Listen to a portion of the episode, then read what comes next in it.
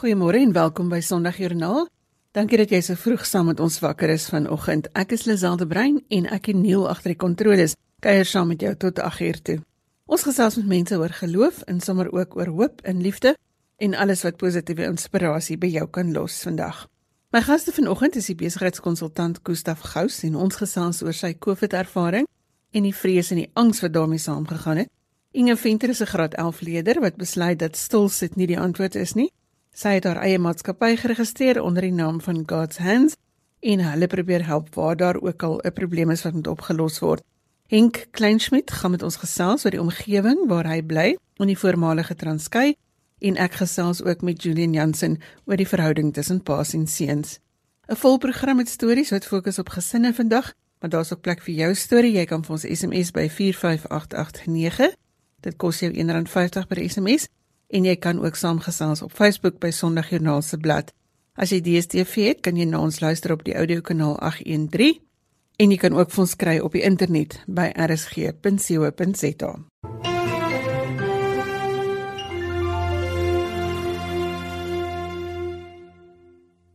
Henk Kleinschmidt is van Flame Ministries en hy en sy gesin woon op Toboyi in die landelike gebied van die voormalige Transkei. Ons gesels vanoggend oor hulle werk en omgewing. Nou hulle is op 'n baie afgeleë plek, so ons gesprek is vooraf opgeneem. Henk, vertel ons van die omgewing en die gemeenskap waar jy woon. Goeiemôre Lisel en al die luisteraars. Lisel, ja, ons werk in 'n landelike um, nedersetting of uh, makliker bekend as 'n village met die naam van Toboy in die voormalige Transkei in die Oos-Kaap waar ek en my gesin en ons spanlede bly van 2016 af. Augustus 2016 het ons hier begin betrokke raak. Dit is 'n pragtige area met grasheuwels. Um, ons is in die meer in die binneland, so ons is nie naby die kus nie. En um, ons bly saam met die Amakosa mense, wat fantastiese groepering mense is. En ons geniet dit. Ons leer so baie by hulle, ons leer baie by mekaar en ons het elektrisiteit hierso waarvoor ons baie dankbaar is, maar ons het nie lopende water nie, so ons gebruik maar nog long drops en en emmers om water te gaan haal, soos wat almal om ons ook doen. Maar dis maar net om julle so 'n bietjie van 'n prentjie te gee van waar ons werk en hoe dit lyk hierso. Ehm um, is 'n baie rustige area en ja, ons voel bevoorreg om hier te kan betrokke wees. Hoe ondersteun julle teenwoordigheid die gemeenskap daar? Ja, ons is hier om Jesus met mense te deel. Ons glo dat hy is die antwoord soos Romeine 1:16 sê dat dit is die krag van redding vir alle mense. It is the power of God unto salvation for all men. So we are not ashamed of the gospel. Uh soos Paulus skryf in Romeine 1:16 en ons glo met ons hele harte dat die evangelie is die sleutel om mense se lewens oop te sluit sodat hulle kan begin leef in die vryheid wat Jesus vir ons almal uh, oor gedroom het en wat sy doel was uh, aan die kruis toe hy dood gegaan het vir elkeen van ons. So ons doel is om om mense by by Jesus uit te kry, om hulle in die woord te kry, om hulle lewe van krag te wys, om hulle te ondersteun in daai proses en ons almal weet dis nie dis nie iets wat oornag gebeur nie. Jy weet sodra ons 'n besluit maak en ons word wedergebore, is daar 'n leeftyd van stap saam met die Here wat voor lê en uh en hier is nie noodwendig mense in hierdie area wat wat jou aan die hand gaan vat en jou meer gaan wys van die Here nie en so dit is ons doel is om jonk en oud te bedien met die woord. Ons glo absoluut in die krag van die woord en en dis ook een van die goed wat ons baie sterk op fokus is om ouens te kry om hulle eie Bybels te lees, om die Here vir hulle self te soek, om die antwoorde self te kry en nie net te glo wat almal vir hulle sê nie, want daar's soveel leuns wat versprei word, soveel stories wat aan mense oorgedra word wat net eenvoudig nie Bybels korrek is nie, wat nie waar is volgens die woord nie. En so ons hart is om die koninkryk van Jesus te sien vestig in families en en in die omgewing sodat hulle ook die vrug van die koninkryk kan kan beleef in hulle eie.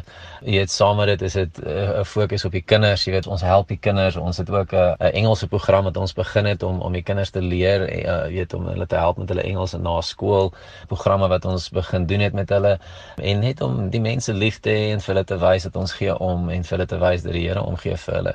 Maar ja ons teenwoordigheid glo ek is besig om die gemeenskap op te lig Uh, en is werklik dit gaan werk daaroor om lig te wees in 'n area waar daar nie lig is nie. En dit is so belangrik net die feit dat 'n mens hier is en ons as gesin en ons as span um saam die Here aanbid in die oggende en en woord deel en saam bid oor die area en 'n voorbeeld van familielewe is, uh is al klaar besig om iets te doen. Jy weet, so ek dink partykeer dink ons gaan net daaroor om te preek of net om dit te doen, maar net die uitstap van die evangelie is klaar kragtig in dit.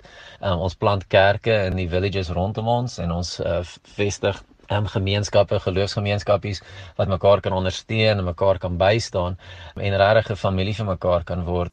Watter rol speel geloof in dit wat jy doen?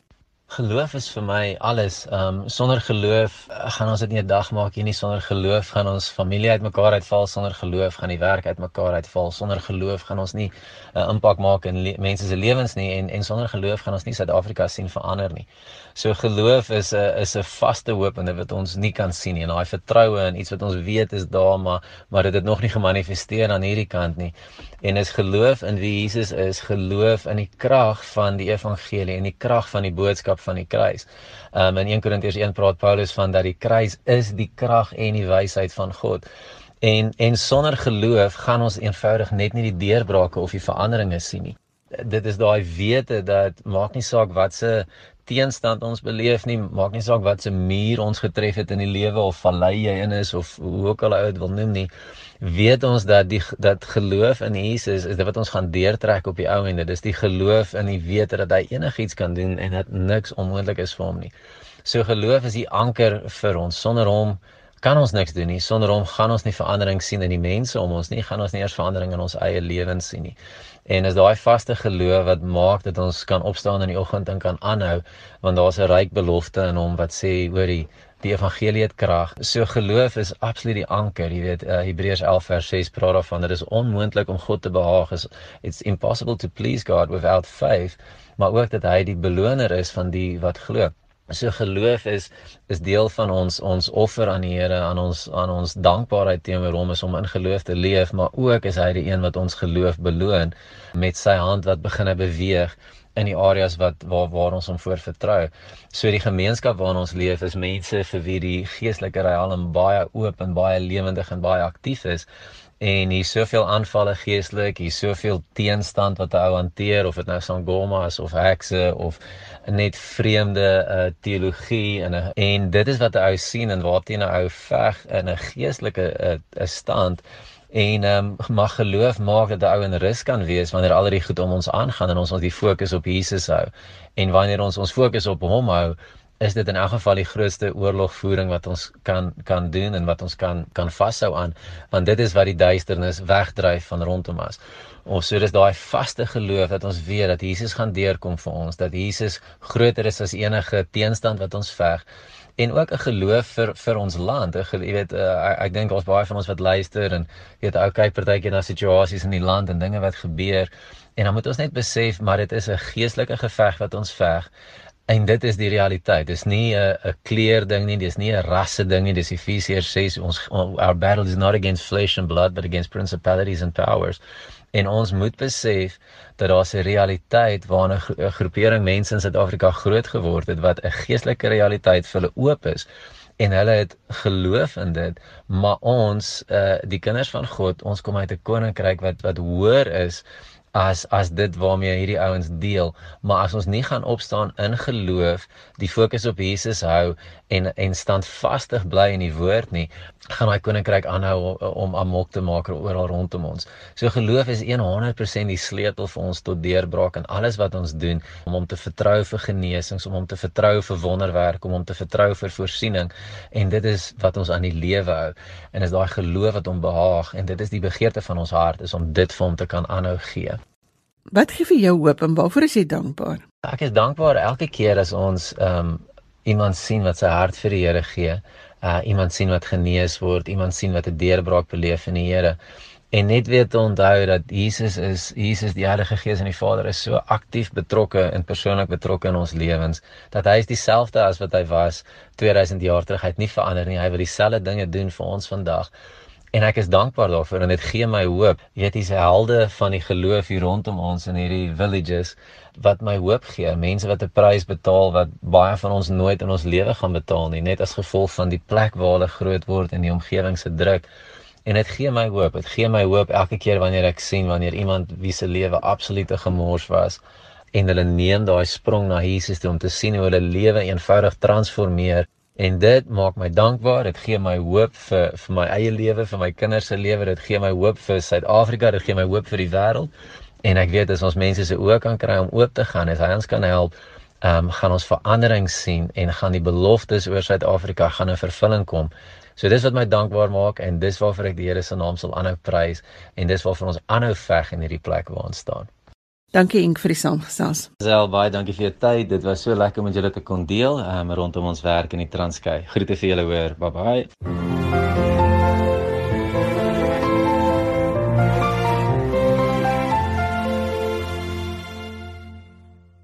Sopas ingeskakel het, sê ons goeiemôre. Die program is Sondagjoernaal en ons praat oor geloof elke Sondagoggend hierdie tyd. Ek hoop ons kan jou inspireer om vandag dankbaar te wees vir dit wat jy het en dalk ook vir dit wat jy nie het nie. Laat weet vir ons waarvoor jy dankie sê vanoggend. Die nommer is 45889.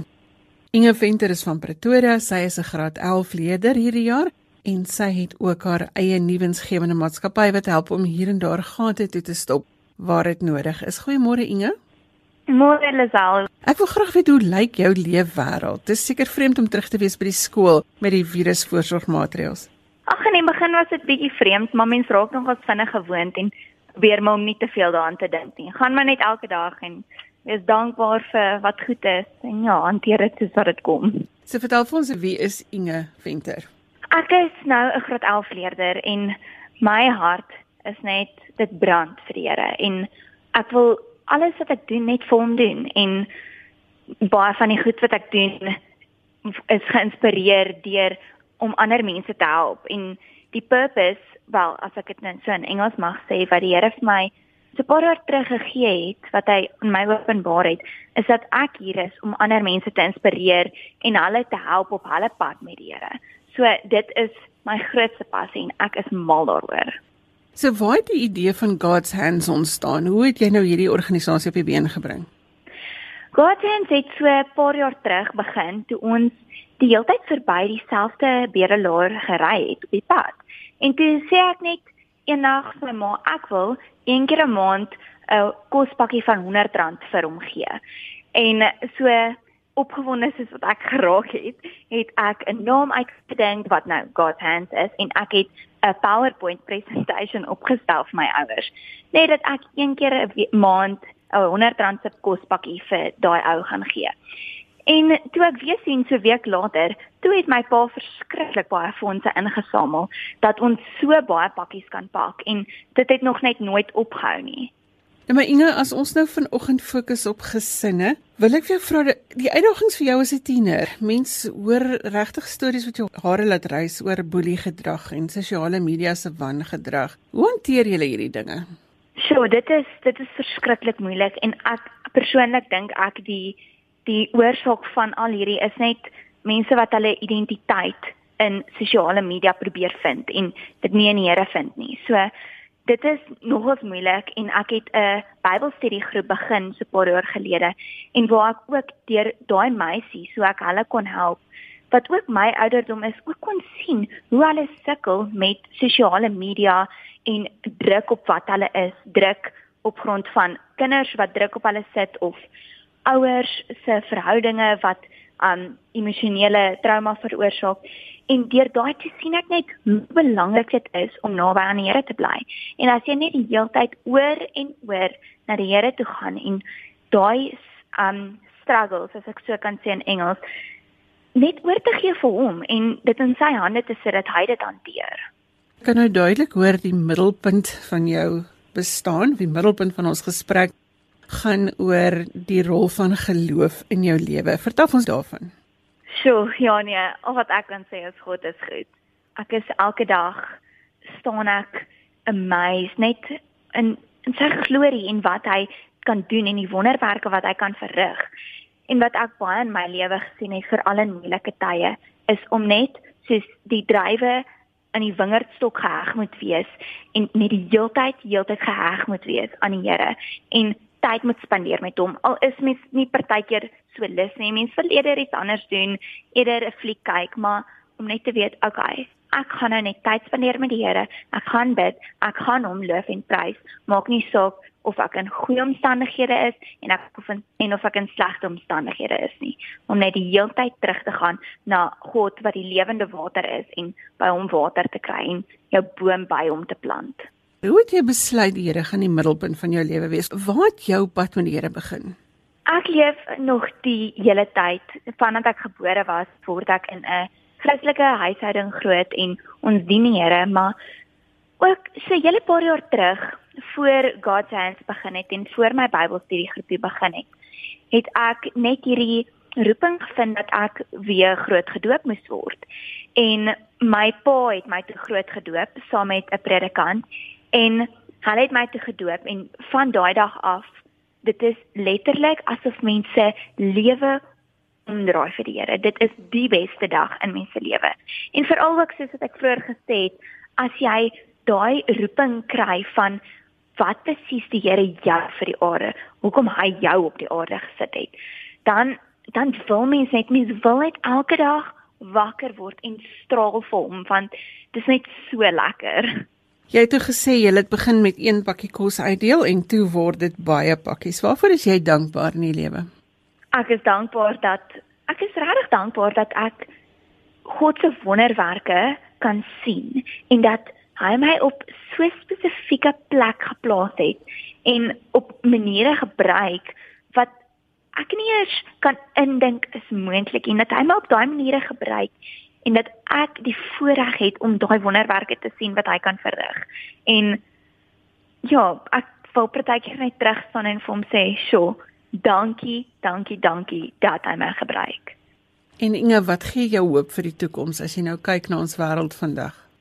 Ek dink die volgende generasie gee my baie hoop, veral as ek sien hoe tieners nou begin verander deur mense wat regtig net brand vir die Here en dat daai mense kan uitgaan en vir hulle vertel want ek voel as ons op so vroeg stadium net voluit vir die Here gaan gaan dan sien ek net goeie goed vir die toekoms en ek kan nie wag om te sien hoe hierdie generasie wat nou tieners is deur hierdie gaan beweeg en God sal vind en sy lig sal vind en dat ons net kan sien hoe die wêreld gaan verander. As ek net weer kan terugkom by die besigheid wat jy bymekaar gesit het, ek het nou myself onderbreek daar met die vraag oor tieners. Julle deel nie net kos uit nie, daar's ander dinge wat julle ook doen. Ja, ons doen ander projekte tussenin. Dit is my gunsteling om die klein projekte tussenin te reël. Dit is soos Kersfeesbokse wat ons bymekaar maak en vir kinders gaan uitdeel of um ons het onlangs 'n uh, baba huis oorgedoen vir babas wat nou gaan inkom wat dalk weggooi weggegooi is en dat hulle in 'n plek kan inkom en net voel die Here het hulle lief of alsulke projekte tussenin waar ons regtig daar is om ander mense te bless en God se vreugde en hulle en God se liefde aan hulle te wys. Inge, as mense wil weet van dit wat jy doen, waar kan hulle gaan inligting kry?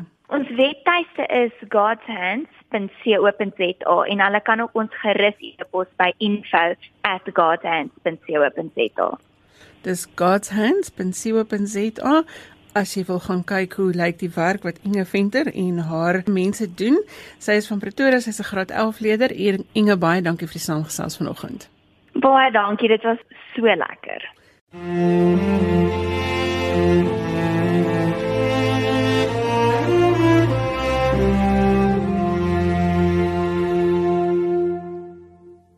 Dink net hoe groot gaan die vreugde in ons land wees as ek en jy albei vanoggend besluit om iemand te verras met 'n dankie. Sommige 'n blommetjie uit jou tuin of 'n telefoonoproep of 'n briefie wat jy met die hand geskryf het of as dit nou moet stuur sommer 'n SMS of 'n WhatsApp boodskap maar reik uit na iemand toe vandag. Maak dit persoonlik en sorg dat iemand spesiaal voel. Ons gee vanoggend aandag aan die verhoudings tussen paas en hulle kinders en om ons daarmee te help gesels ek met Julian Jansen, 'n voormalige onderwyser. Goeiemôre Julian. Goeiemôre Lisel. Julian, om 'n paar te wees verg verantwoordbaarheid oor wat jy met hierdie geskenk doen. Jy definieer vaderfigure op verskillende maniere. Help ons om daaroor te dink. Hulle sê baie keer die pa moet die naam werd wees en eh, 'n uh, kind is 'n absolute geskenk van God en wat ons wat 'n pa of die persoon doen met daardie kind uh 'n baba kom nie met gebruiksaanwysings nie maar pa hoe onderlê of gereed is die pa verhouding met die ma van die kind om saam daardie kind groot te maak so paans moet 'n band vorm met met daardie kind reeds voor swangerskap en in 'n goeie verhouding met die ma wie is dit groot en sterkste ongelukkig kry ons paas wat bloot maak maar wat hulle noem sperma self skenkers is of soos in die Kaap sê paat gaan brood koop.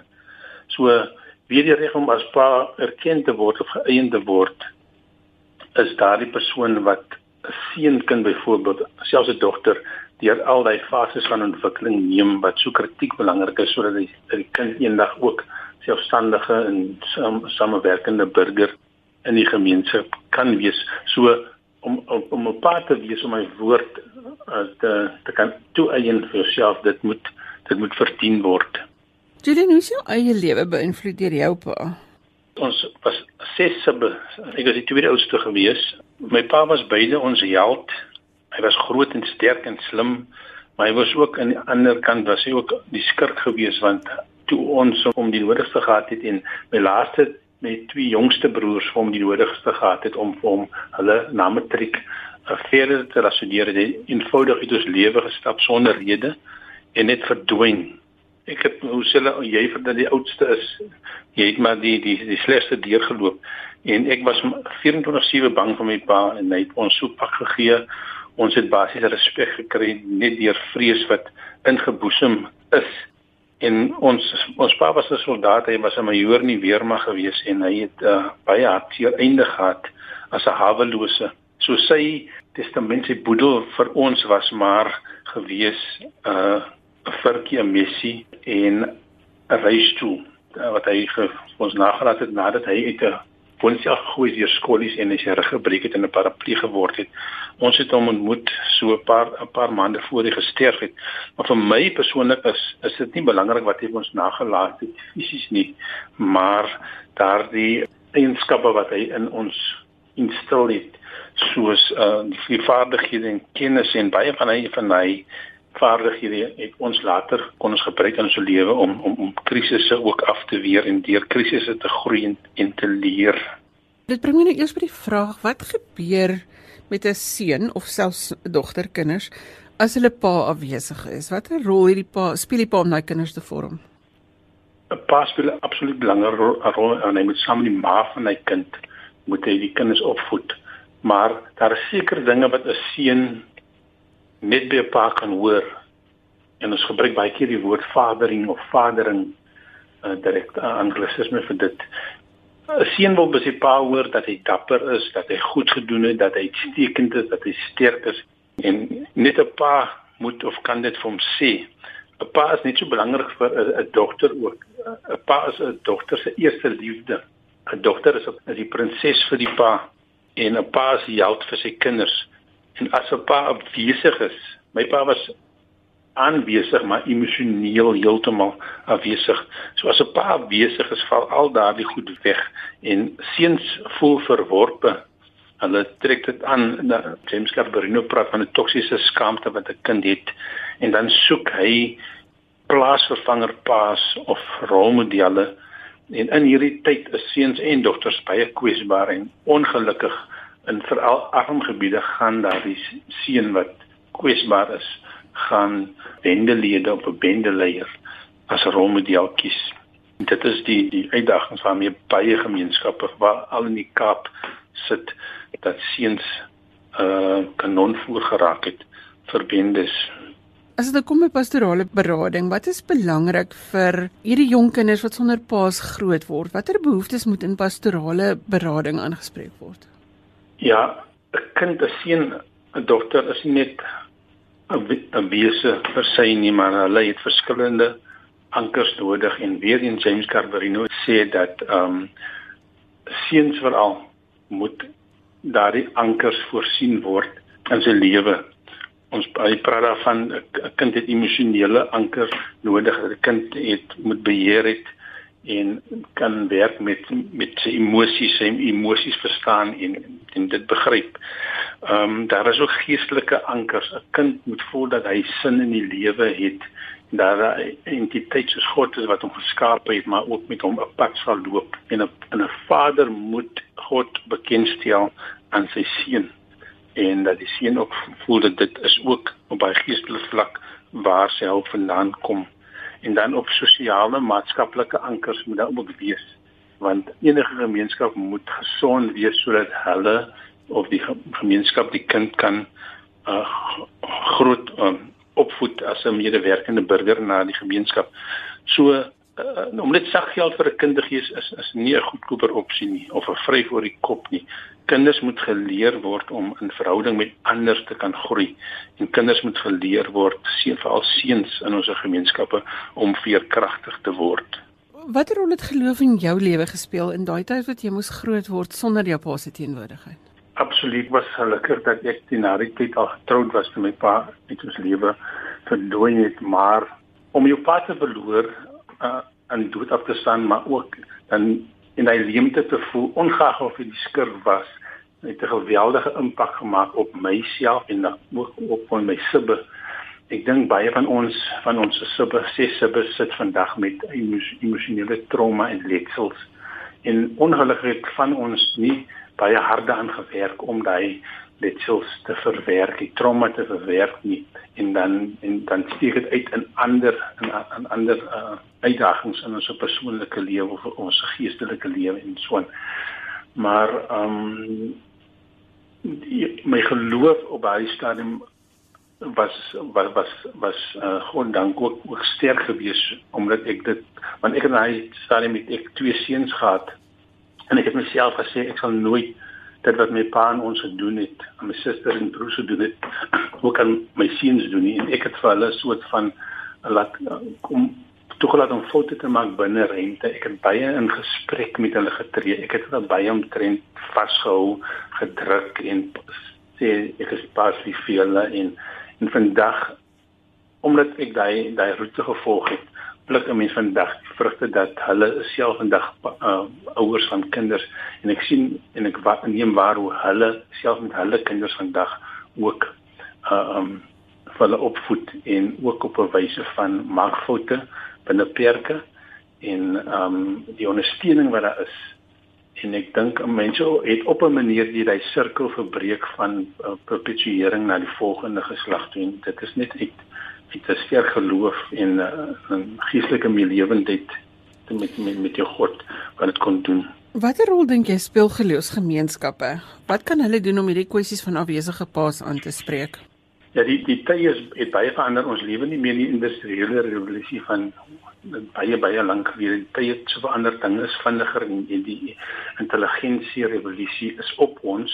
Ons het gesien wat maak COVID aan ons hy het ons ontboesem met ons ontwapen en vir ons baie dinge swakpunte blootgelê.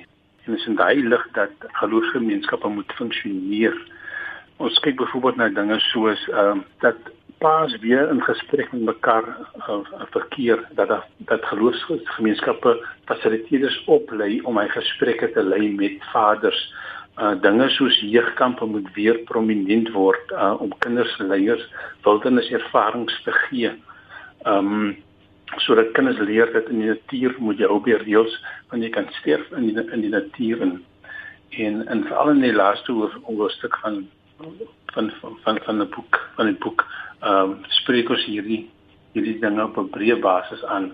Uh die kerke het 'n groot rol om te speel, maar kerke moet is maar een platform binne 'n gemeenskap, so geloofsgemeenskappe as ek as kerke moet saam met skole en saam met kultuur en sportorganisasies um, saamwerk om om om ons seuns en ons dogters groot te maak. Afrika het sê it takes a village to raise a child.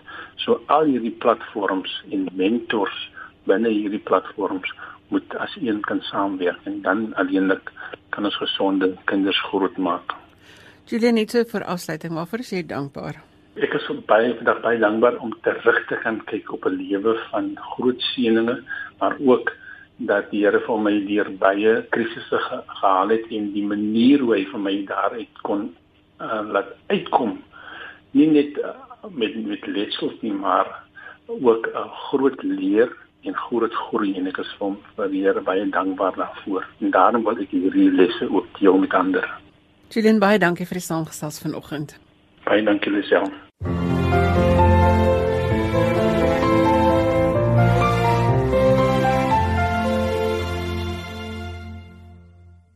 Dr. Gustaf Gous is 'n besigheidskonsultant en inspirasiespreker. Vanoggend gesels ons oor vrees en angs en sy COVID-ervaring. Goeiemôre Gustaf. Hallo Lisel, lekker om saam te gesels.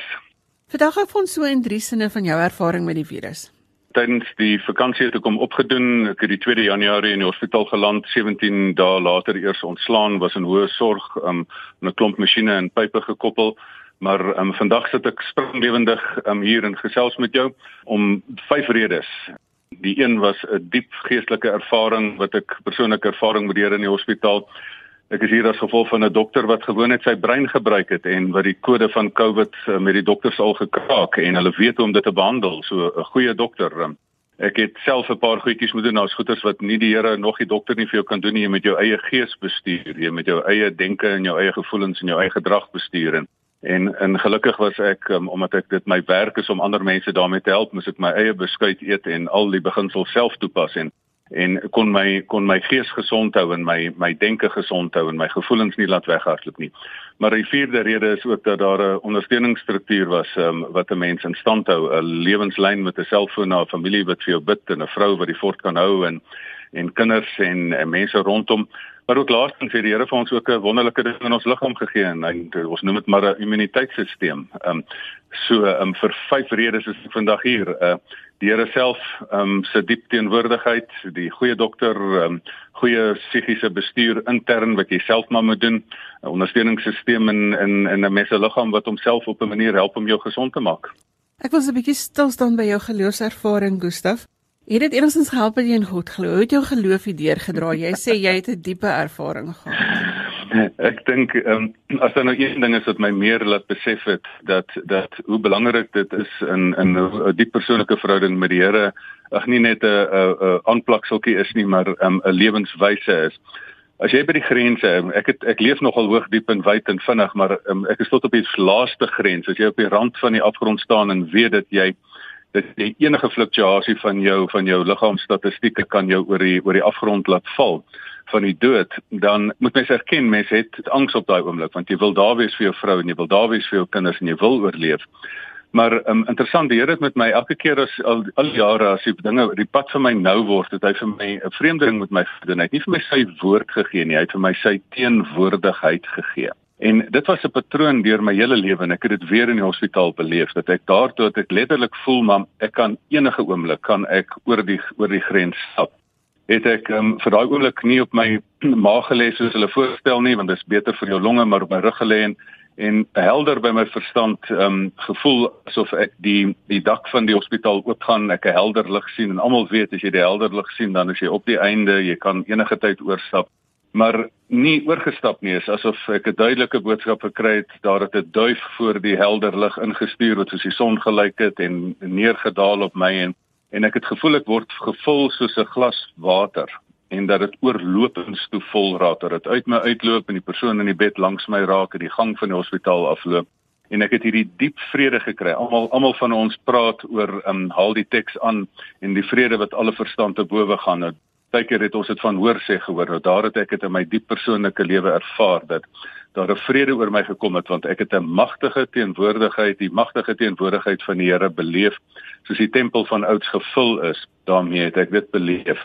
En dit het vir my vrede gegee dat ek dit ehm um, dat ek nommer 1 dit gaan maak. Maar dit is amper asof jy dan nog in Pretoria is en jy moet nog Kaap toe en jy moet nog deur die warm Karoo ry. So al het ek die vrede gehad, moes my liggaam nog die worsteling vat en dit dit hanteer, maar daai diep vrede het met alle angs weggeneem. Ek dink baie mense het nie van die siekte gesterf huidigelik nie, maar van die angs.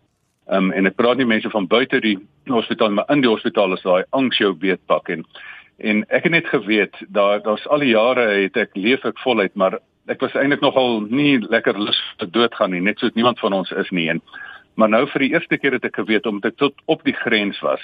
In daai laaste oomblik, as ek dan al moet ek dan eendag alleen sterf wat elf almal van ons tog gaan gebeur.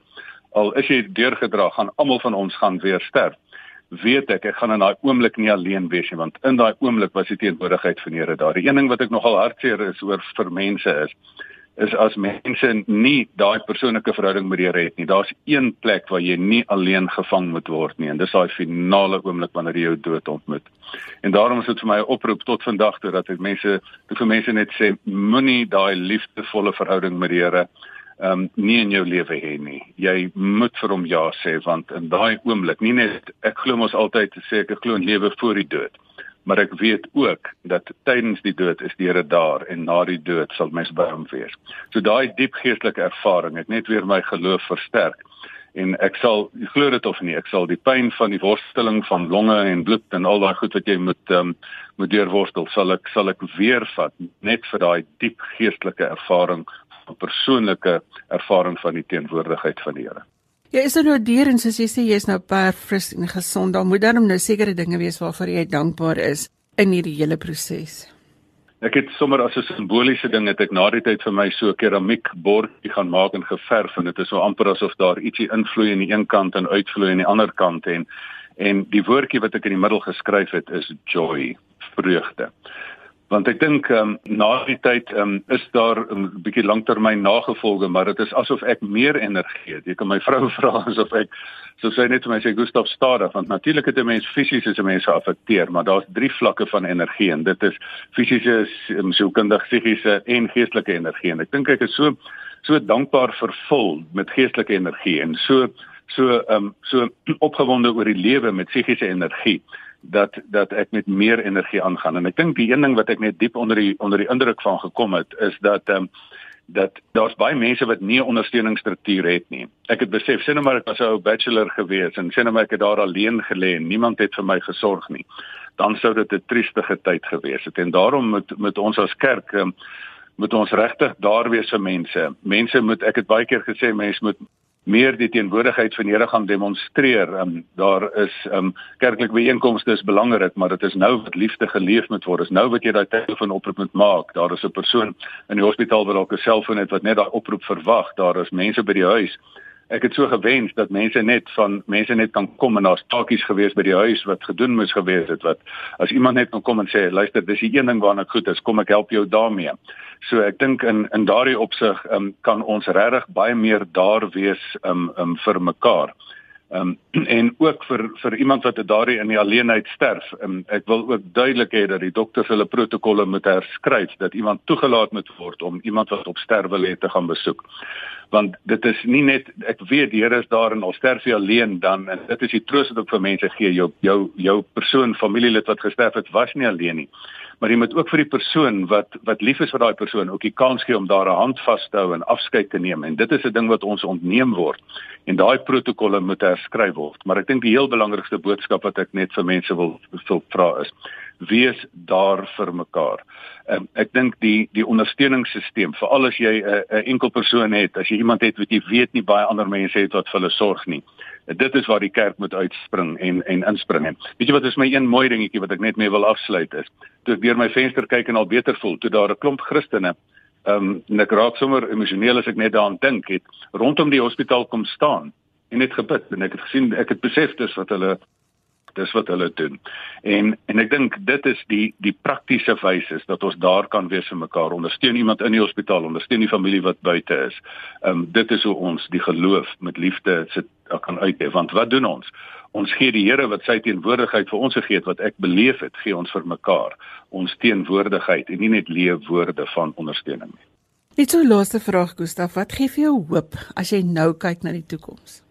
Wie ken ek dink die ek is baie meer diep onder die indruk vir um vir dat dat hierdie hele gebeurtenis mense tot 'n punt gebring het dat hulle op 'n punt kom dat jy besef wat belangrik is is belangrik en wat onbelangrik is is onbelangrik. Ek ek hoop dat mense 'n wakker skrik 'n tydperk in die geskiedenis van die mensdom beleef het. Die ander ding wat ek wat my hoop gee is dat daar mense wat daarop reageer dat hulle hulle lewens beter inrig daarna. Maar wat vir my ook hoop gee is dat daar daar die volledige hoop is is dat daar lewe voor en na die dood is daar's lewe voor die dood. Ons hoef nie net te wag in angs en agter banke weg te kruip en en te wag vir die dood nie. As jy vrede gemaak het met jou tot 'n vergelyk gekom het met jou dood en geweet het dood het sy angel verloor en en die dood is doodgemaak soos wat mense met Paasfees vier, dan weet jy dit is nie die finale woord nie. Maar dat terwyl die Here vir jou nog 'n geleentheid gee, ek het 'n duidelike boodskap gekry. Almal wat nog hoor, is nog op aarde. Hoekom met 'n doel? Jy is nog hier omdat jy nog hier 'n ding kan doen En ek dink dit gee vir my hoop dat die Here sy teenwoordigheid vir ons gee aan hierdie kant van die graf en aan die ander kant van die graf. En met daai teenwoordigheid, dit is wat die ou teks sê met my God spring ek oor 'n muur. En as daai muur dan die finale dood is, dan laat dit ook so wees. Maar voor die tyd gaan ons met moed die krisisse aanpak en dit wat dan verkrummel het, kan ons dan weer met die Here se hande in sy teenwoordigheid kan ons weer opbou. Ons sê dankie vir ons gesondheid en ons veiligheid. Gustaf baie dankie vir die saamgesels vanoggend. Mooi loop. En dieselfde asem wil ons dan dankie sê vir die dokters wat so getrou vir almal bystaan in hierdie tyd. Dis ons storie vir vanoggend. Dankie vir almal wat vanoggend saamgesels het. Dr. Gustaf Gous, Ine Venter, Henk Kleinschmidt en Julian Jansen. Jy kan sonder joernaal kry as 'n potgooi op die webwerf by rsg.co.za. Jy kan vir my e-pos stuur as jy 'n geloostorie of 'n dankbaarheidstorie met ons wil deel. My e-posadres is lazel@wwmedia.co.za. Jy kan my ook kry op Instagram of Facebook by Lazel Inspirasie. Ons sluit af met die herinnering dat jou glimlag die wêreld kan verander. Deel dit vrylik uit vanoggend. Van my en Neil tot volgende Sondag. Totsiens.